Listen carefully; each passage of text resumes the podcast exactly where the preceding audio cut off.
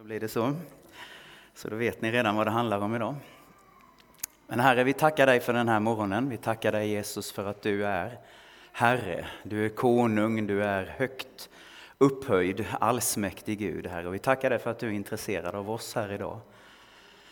Tack för att du är intresserad av oss som människor och att du vill röra vid oss och tala till oss idag, Herre. Och vi bjuder in dig, vi välkomnar dig, Herre. Och jag ber dig helige Ande att du ska låta ditt ord gå ut, inte mitt ord utan ditt ord. Och att du får lyfta det som är av dig, Herre, att du får beröra oss med det som är av dig. Vi ber dig om en uppenbarelsens ande, Herre, den här morgonen, Herre. Kom och tala till oss individuellt, Herre. Välkommen Jesus. Välkommen, Herre. Mm. Amen, ja. Eh, nu är det jul igen snart och vi har hört julevangeliet här. Och eh, det är helt fantastiskt. Vi har ju förmodligen blivit smått vaccinerade av julevangeliet, i Sverige i alla fall, så att man inte riktigt kan förstå vad det handlar om. Eh, vi har fått små doser varje år sedan vi var små och eh, ibland kanske man glömmer vad detta faktiskt är med julen. Och det handlar ju faktiskt om att Gud själv, universums skapare, universums herre, tog på sig kött, betyder inkarnationen, tog på sig kött och blev människa och föddes i den här berättelsen som vi fick höra nyss, föddes i ett litet stall. Det är helt otroligt. Gud själv blev människa för vår skull. Eh, men varför i hela friden gjorde han det då? Det är den stora frågan. Det vet vi ju redan i Johannes 3 och 16 så står det att Gud älskade världen, att han utgav sin enda son för att den som tror på honom ska bli räddad. Eh, det är målet. Vi kan ha det i bakhuvudet resten av predikan. Men nu ska vi gå in i Kolosserbrevet och då tänker man vad har det med julevangeliet att göra? Väldigt mycket. Kolosserbrevet 3 ska jag prata lite om idag, Kapit Eh, kapitel 3 ja, och vers 1 och framåt. Och då är det Paulus, en av eh, apostlarna, han blev apostel senare, som har skrivit det här brevet. Han har skrivit till församlingen i Kolosse, en, en församling full av icke-judar som hade kommit till tro på Jesus, men också några judar. Eh, och de här judarna, eh, en del av de här judarna som hade kommit till tro hade börjat återinföra det judiska Eh, reglerna och de judiska buden i eh, församlingen igen. Och de hävdade till och med att man kan inte eh, komma till sann uppenbarelse. Man kan inte bli riktigt kristen om inte man håller sabbaten, om man inte är omskuren, om man inte följer de här och de här matreglerna och följer de här och de här högtiderna. Och det är i den situationen som Paulus skriver det här brevet. Så en ganska specifik situation som han eh, skriver det här brevet till församlingen. Då. Och vad gör då Paulus? Han eh, går inte in så, utan han skriver till dem och börjar förklara vad Jesus har gjort. Jag har en liten retning här, det var för bra lovsång idag, jag klämde i lite för hårt kanske, så det, ni får stå ut med en hes hals. Eh, han, han köttar inte på och slår ner dem, utan han förklarar vad Jesus har gjort för dem. Eh, han förklarar korset, han förklarar vem Jesus är först och främst. Eh, han förklarar korset, vad som har hänt eh, och uppståndelsen och vad detta betyder för dem rent konkret. Det är så han går in i approach. approach. Det är så han närmar sig problemet så att säga. Inte med stränga förmaningar och förbud utan eh, med Kristus, med Jesus helt enkelt att Jesus är grunden för hela deras tro. Så i tron och i dopet har de blivit förenade med Jesus, menar Paulus. Det kan man läsa om i Kolosserbrevet 1. Vi ska inte eh, ta hela den eh, stunden med det.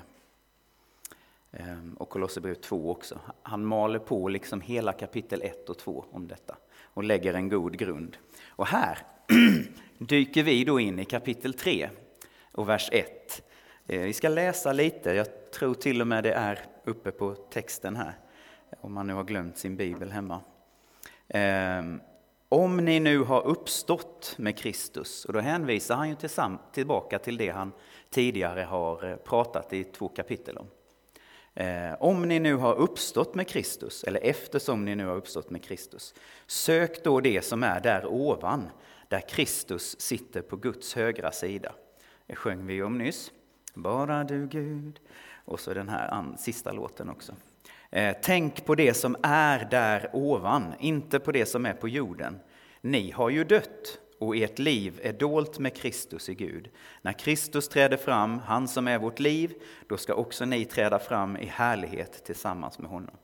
Kristus är ingen omskrivning av Krister, utan det är en beskrivning av Messias på grekiska. Så det är Jesus helt enkelt, Jesus Kristus. Eh, vad säger Paulus i de här verserna? Eh, eftersom ni har uppstått, säger han. Han knyter tillbaka till Eh, vad, de, vad som har hänt med dem och eh, eh, vem, vad, som, vad Jesus har gjort för dem och vad som har hänt med dem. Eftersom ni har uppstått, och i vers 4 eller 3 säger han också att de har dött. Så döden och uppståndelsen tillsammans med Jesus lägger han som en grund redan i de här första verserna i kapitel 3. Ehm, och han, han, är ju, han lever ju på hundratalet, alltså eh, år eh, 60 ungefär, skrevs det här brevet. Och han skrev brev som man gjorde på den tiden, eh, precis som vi skriver brev som man gör idag. Och han använde liksom en grammatisk finurlighet som bygger på att man gör olika inramningar i texten. Och man gör de här inramningarna i texten för att lyfta fram det centrala. Jag kanske hade valt att göra fetstil i datorn eller stryka under det i datorn, men det gjorde man inte då. Utan man använde de här grammatiska formlerna så att säga. Och då gör han en, ni har uppstått, har vi den översta, och sen ni har dött. Och däremellan smäller han in kärnan i de verserna. Och vad stod det där? Sök då det som är där ovan. Och så i nästa vers, tänk på det som är där ovan. Ni har uppstått, ni har dött, därför. Tänk på det där uppe, där Kristus sitter. Oj! Uppstånden på Guds högra sida. Så han lägger grunden, vad Jesus har gjort för dem. Därför, lyft blicken och sök det där uppe, det som är hos Kristus, hos Jesus, på Guds faders högra sida. Nu ska jag gå lite händelserna i förväg här. Sen gör han en rackare, likadan rackare till med hela avsnittet. Och han tar den här introduktionen som en, av, en avgränsning och så gör han en avgränsning i slutet. Och den här första in, avgränsningen den handlar ju helt enkelt om att Jesus, ni har dött och ni har uppstått med Jesus. Det är klart, det är färdigt. Ni är födda på nytt, er gamla människa har dött, er nya har uppstått. Och sen gör han en likadan upprepning i slutet, vers 9 och framåt, så står det att ni har klätt av er den gamla människan i frälsningen, i dopet. Och ni har tagit på er den nya människan. Återigen, han skriver inte att någon gång i framtiden kommer ni ta på er den nya människan, utan ni har. Det har redan hänt. Det är redan klart. Jag lägger en, en ganska viktig poäng här i början, om ni undrar varför jag är tjatig. Eh, allting är färdigt, allting är klart. Det hänger vi med på. Och sen Återigen en inramning. Och i mitten, nu kommer han som han alltid brukade göra nästan. Han lägger upp saker, han lägger upp straffsparksläget och sen smäller han till. och då kommer straffsparken här i mitten då, från vers 5. En väldigt liten text i min bibel. Det är inte bra när man har passerat 40. Så står det så här, döda därför era jordiska begär. Därför, varför? Jo, för att allt är klart. För att Jesus, de har dött och de har uppstått med Kristus. Därför döda era jordiska begär, sexuell omoral, orenhet, lusta, ont begär och girigheten som är avgudadyrkan. Oj. Allt sådant gör att Guds vrede drabbar olydnadens barn. Och bland dem vandrade också ni en gång, när ni levde i dessa synder. Men nu ska också ni lägga bort allt detta. vrede, ilska, ondska, förtal och fräckheter från er mun. Ljug inte för varandra. Och så kommer de här som jag spoilade nyss. Eh, ni har ju klätt av er den gamla människan med hennes gärningar och klätt er i den nya människan som förnyas till rätt kunskap och blir en bild av sin skapare. Är ni med mig så här långt? Jag har tappat mig helt i noterna. Jag bjuder på den idag. Eh, han har lagt upp motiven, allting är fullbordat, Jesus har gjort detta, ni har dött, ni har uppstått med honom. Och så därför döda allt det jordiska i er, de onda begären som jag räknade upp. Och sen lägg nu bort allt detta, ondska, förtal och fräckheter från er mun. Så han börjar med motiven för att sedan komma med uppmaningarna som han vill ge dem. Eh, men utan den här ramen som jag nu har tjatat jättemycket om, eh, utan de här motiven så är uppmaningarna helt förkastliga. Det är därför jag har tjatat om motiven och inramningen. För utan det så är uppmaningarna precis det som han själv vill gå emot, lagiskhet. Så om vi plockar bort att Kristus har dött, Kristus har uppstått och jag har dött med Kristus och jag har uppstått med Kristus, jag är en ny skapelse. Plockar vi bort det så är de här förmaningarna och de här uppmaningarna lagiskhet. Och det är precis det som Paulus vill komma åt när han skriver brevet. Eller hur? Eh, nu ska jag försöka hitta tillbaka här. Så grunden är redan lagd. Eh, att man har tagit av sig den gamla människan och tagit på sig den nya människan. Eh, det Paulus vill göra här, det är att, att den troende redan ska bli i sin livsstil, eller att den troende ska bli i sin livsstil vad den egentligen redan är genom Kristi verk. Genom det som Gud har gjort med dem. Gud vill att vår inre människa, vår nya skapelse ska rimma med vårt liv, vår livsstil. Det är det Paulus talar om här. Och utifrån den här positionen i Jesus som en ny människa så ger han de här uppmaningarna. Eh, och ni kommer ihåg i början, eller en liten bit in i predikan, så talar jag om att, att söka det där ovan. Ja, jag hoppas ni kommer ihåg, det var ingen som sa ja, men det sa jag i alla fall. Att man kan söka det där ovan. Och kollar man i bibeltexten, det här är nördigt, men det är spännande tycker jag, så står det i parallell med de här förmaningarna. Och då tänker jag som har varit med här sedan förra årtusendet och jag har varit med i andra sammanhang i Sverige och utomlands i många kyrkor, att ibland kanske vi är väldigt glada att söka det där ovan. Woho! Tjolilu! Och hur det nu låter. Men parallellen rakt ner till att döda synden inom mig då menar inte Paulus att man ska döda någon eller döda sig själv, utan det är ett bildspråk. Det kan vara bra att förtydliga, så inte det händer olyckor här efter. Så att söka det där ovan är i parallell med att döda det jordiska och lägga av förtal, smutsigt tal, står det i grundtexten, girighet, andra spännande områden. Det handlar också om att söka det där uppe. Och de här listorna, för det var ju faktiskt en list, två stycken listor med fem synder, fem laster i varje lista. De ska inte ses som någon ny lag eller några höga moralkrav, att man kunde bli rättfärdig på egna meriter. Nej, för det var ju precis det Paulus ville komma åt, eller hur? Utan det talas helt enkelt om det kristna livet. Det kristna sättet att leva livet. Mm. Så de som har blivit uppväckta med Kristus, klätt i sig den nya människan, eh, så producerar anden ett sådant liv inom oss.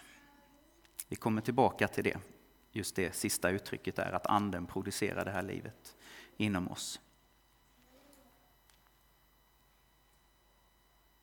Så det handlar inte om ett förtjänande av frälsning. Det handlar inte om att vara duktig och präktig och så vidare. Utan det är precis det som Paulus går emot i den här texten. Eh.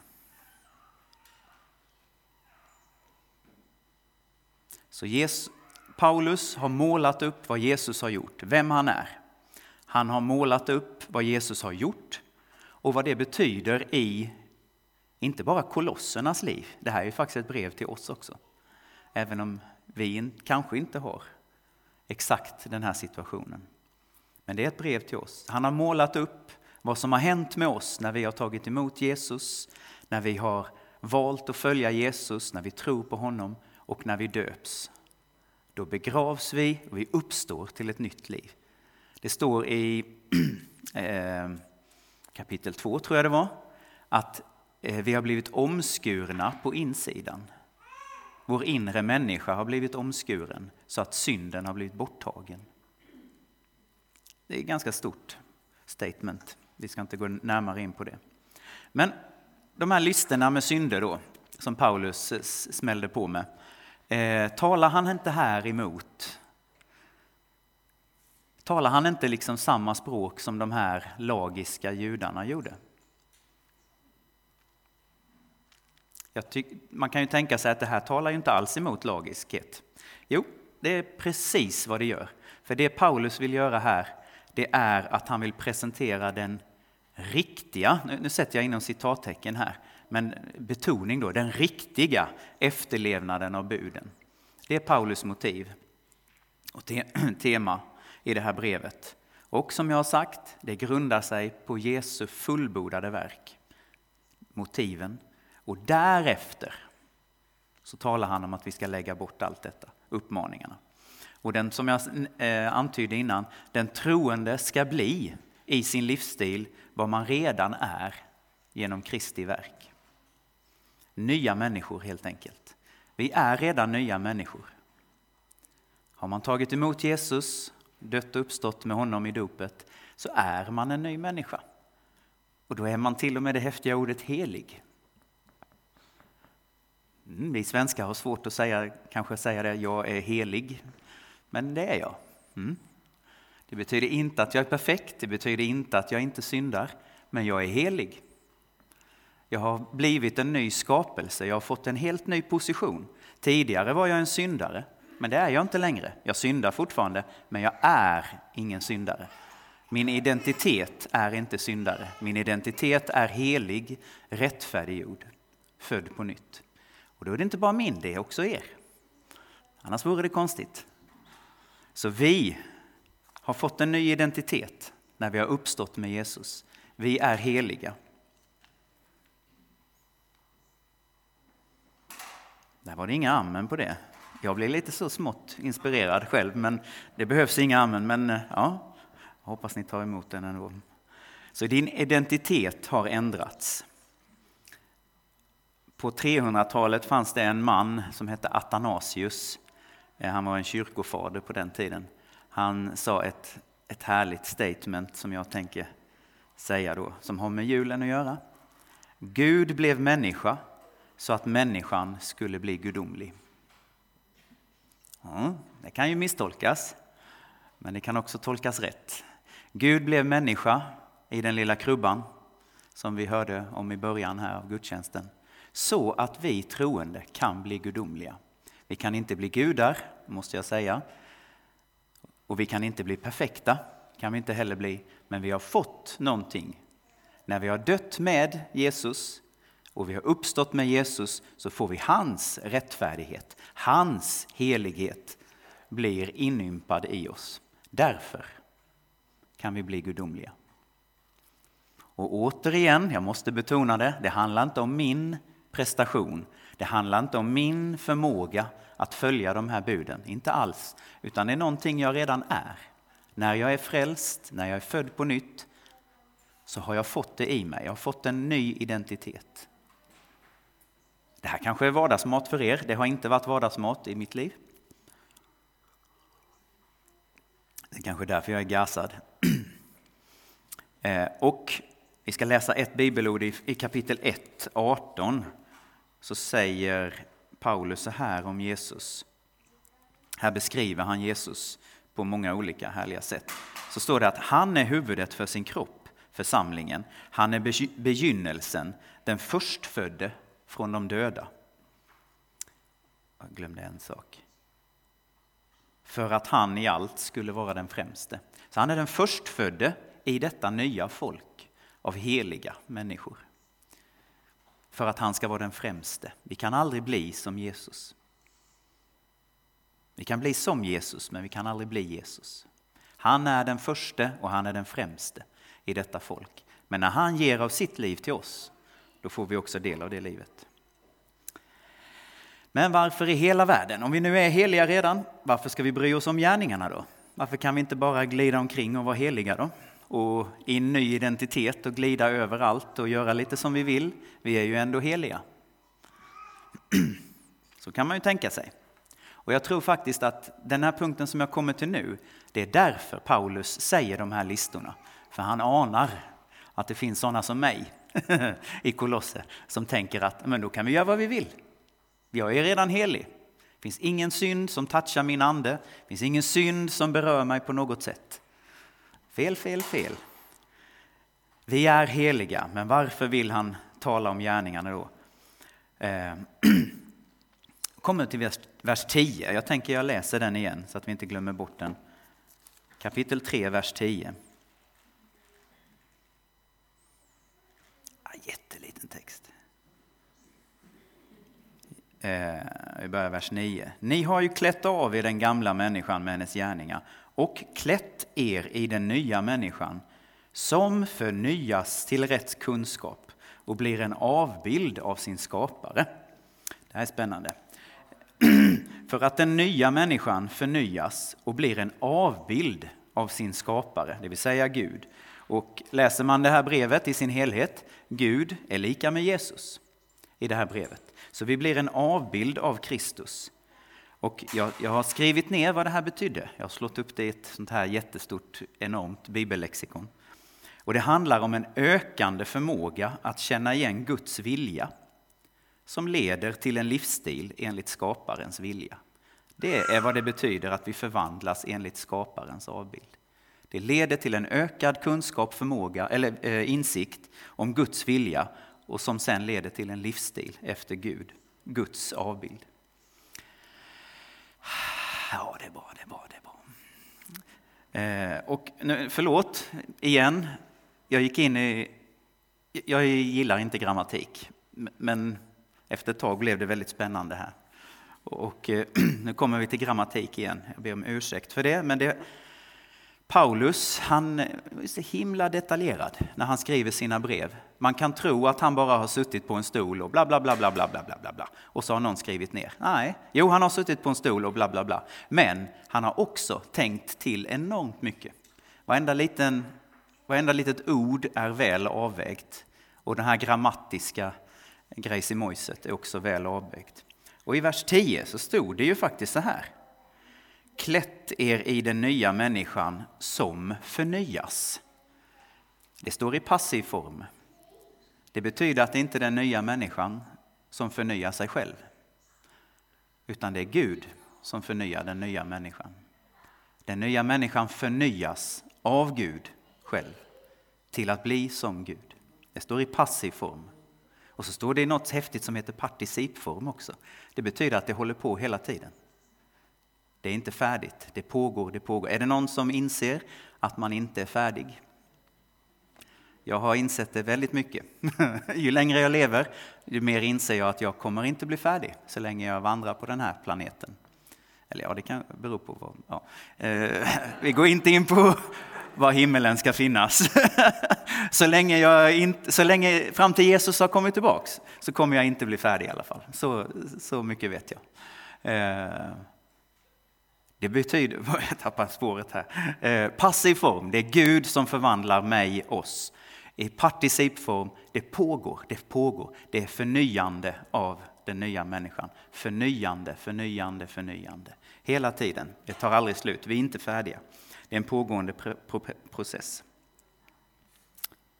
Att bli förvandlad till ett nytt liv i motsats till det gamla korrupta tillståndet. Det betyder det här ordet förnyad. Det är spännande. Lite tuffare än bara förnyad, tycker jag. Vi kan inte sköta den här förvandlingen själva. Det kan man inse efter ett tag. När jag var ung trodde jag att jag kunde bidra. Det tror jag inte längre. Vi behöver inte sköta den här förvandlingen själva heller. För Gud har sagt att han vill göra det. Och vi får inte sköta den här förvandlingen själva. Det är ajabaja. För det är Guds verk att förvandla oss. Annars så blir det som det som Paulus går till rätta med och förmanar, lagiskhet. Så fort vi börjar förvandla oss själva och tro att vi kan göra det så är vi ute och tassar på farlig mark. Gud säger var helig så som jag är helig. Vi ska bli förvandlade, men det är han som gör det. Nu kommer ett jätteklatschigt citat, men jag gillar det. Gud älskar dig precis så som du är, men han älskar dig för mycket för att låta dig förbli som du är. Gud älskar dig precis som du är, där du är just nu. Men han älskar dig för mycket för att låta dig förbli så som du är. Det finns en väldigt välkänd berättelse i Lukas 15, en liknelse om den förlorade sonen. Eh, där sonen, en, en far har två söner. Den ena sonen vill ha ut sitt arv, drar iväg, slarvar bort arvet på synd och allt möjligt i livet. Pengarna tar slut, han hamnar i en svinstia och får vakta svinen, grisarna, vilket var det värsta man kunde göra på den tiden som jude, eftersom grisar var ett orent djur. Eh, Försökte sno lite av grisarnas mat, men han fick inte ens det. Eh, svinade ner sig helt enkelt och var smutsig och dann och äcklig. Kommer på, jag går hem till min farsa och ber om nåd, ber om förlåtelse. Jag kanske får vara tjänare. Där. Kommer tillbaks, pappan springer emot honom, kramar om honom innan han ens hinner säga något. Tar av sina skor, ger dem till sin son, tar av sina kläder. Nej, det gör han inte, han hämtar nya kläder och ger till sin son sina egna kläder. Tar av sin ring och ger till sin son. Fullständigt upprättar den här eh, pojken som hade snott hans arv snott hans pengar, önskat att han var död. Fullständigt upprättar honom och är tillbaka. Det är en väldigt fin berättelse. Om man förlänger den lite, skulle det vara bra om pojken springer tillbaks till svinstian igen och smutsar ner sig? Ja, då kanske han kan komma hem till pappa igen och få nya kläder och nya skor och bli förlåten igen. Han kanske springer där emellan och köper pendlarkort mellan svinstian och eh, farsans hus. Men frågan är hur bra det blir. Frågan är att hela tiden komma hem och lukta, förlåt, lukta gris och vara smutsig och äcklig. Så låt inte ditt liv, och låt inte Magnus, låt inte mitt liv vara en pendling mellan Faderns hus, det vill säga med Gud, närheten till Gud och svinstian. Det är inte det som Gud har tänkt. Han har tänkt ett annat liv, ett bättre liv. har han tänkt. Vi kommer alla springa bort till svinstian då och då. Om ni förstår bildspråket. Vi kommer alla synda. Det är tyvärr en del av livet så länge vi lever innan Jesu återkomst. Det finns något teologiskt uttryck som heter att redan nu men ännu inte. Guds rike har kommit redan nu men det har inte kommit fullt ut, därför syndar vi. Och vi kommer alla springa bort till den här svinstian, men vi behöver inte pendla dit och framförallt inte hela tiden. Och inte sitta där och gotta oss och gegga ner oss. För Gud har kallat oss till att leva i den identitet som vi redan är i och har, det vill säga heliga. Och den heligheten kommer Gud att mejsla fram i oss. Han kommer forma oss som en liten lerklump om det är någon som har drejat, så behöver leran vara mjuk. Det är vår uppgift, att vara mjuka inför Gud. För då kan han forma oss. Han kan plocka bort saker och ting som inte ska vara där. Han kan lägga till saker som inte ska vara där. Och han formar oss mjukt och fint. Det är han som gör det. Så låt Kristus, Jesus, genomsyra hela ditt liv. Det är det Paulus säger. Då kommer du både att vara helig och att börja leva som helig. Det kommer ta hela våra liv som sagt. Ingen brådska. Vår, vårt ansvar är liksom att gensvara till Gud och vara mjuka för Gud. Ska vi sluta med allt det mänskliga då? Gå i kloster eller sluta äta god mat och så vidare? Nej, det tror jag inte. Det är underbart att vara människa. Vi ska vara människa. Gud blev människa. Han bejakar människan, men vi ska sluta med det kötsliga, det här härliga ordet. Det som det i oss, den gamla människan, som hela tiden dyker upp, synden som kommer att bråka med oss. Det ska vi sluta med. Men om vi går tillbaka till julberättelsen då, som är en helt galen historia, fantastisk historia, fascinerande historia. Varför kom då Jesus? Jo, Jesus kom, Gud blev människa för att människan skulle bli gudomlig. Att vi ska bli det vi redan är, vår nya identitet i Jesus. Jag tror jag landar där faktiskt. Sofia kommer snart att berätta hur fortsättningen av gudstjänsten kommer utforma sig. Eh, jag har inga tankar så här att vi ska ha speciell förbön eller någonting för det här. Om någonting har talat till dig så får du själv gensvara på det sätt du vill till Jesus. Om du ens behöver gensvara. Ibland kanske man bara ska göra som Maria gjorde. Begrunda det i sitt hjärta. Behålla det där. Det lämnar jag till er. Men Jesus, jag ber dig Herre att du, det som inte var av dig, det ber jag att du plockar bort. Det som var av dig, det ber jag att du eh, mjukt och kärleksfullt, för detta är kärlek Jesus. Eh, mjukt och kärleksfullt eh, stoppar in i våra hjärtan, Herre. Det som är av dig, Herre. Så vi ber dig, Herre, ta hand om allt det som har sagts, Herre. Mm. Amen.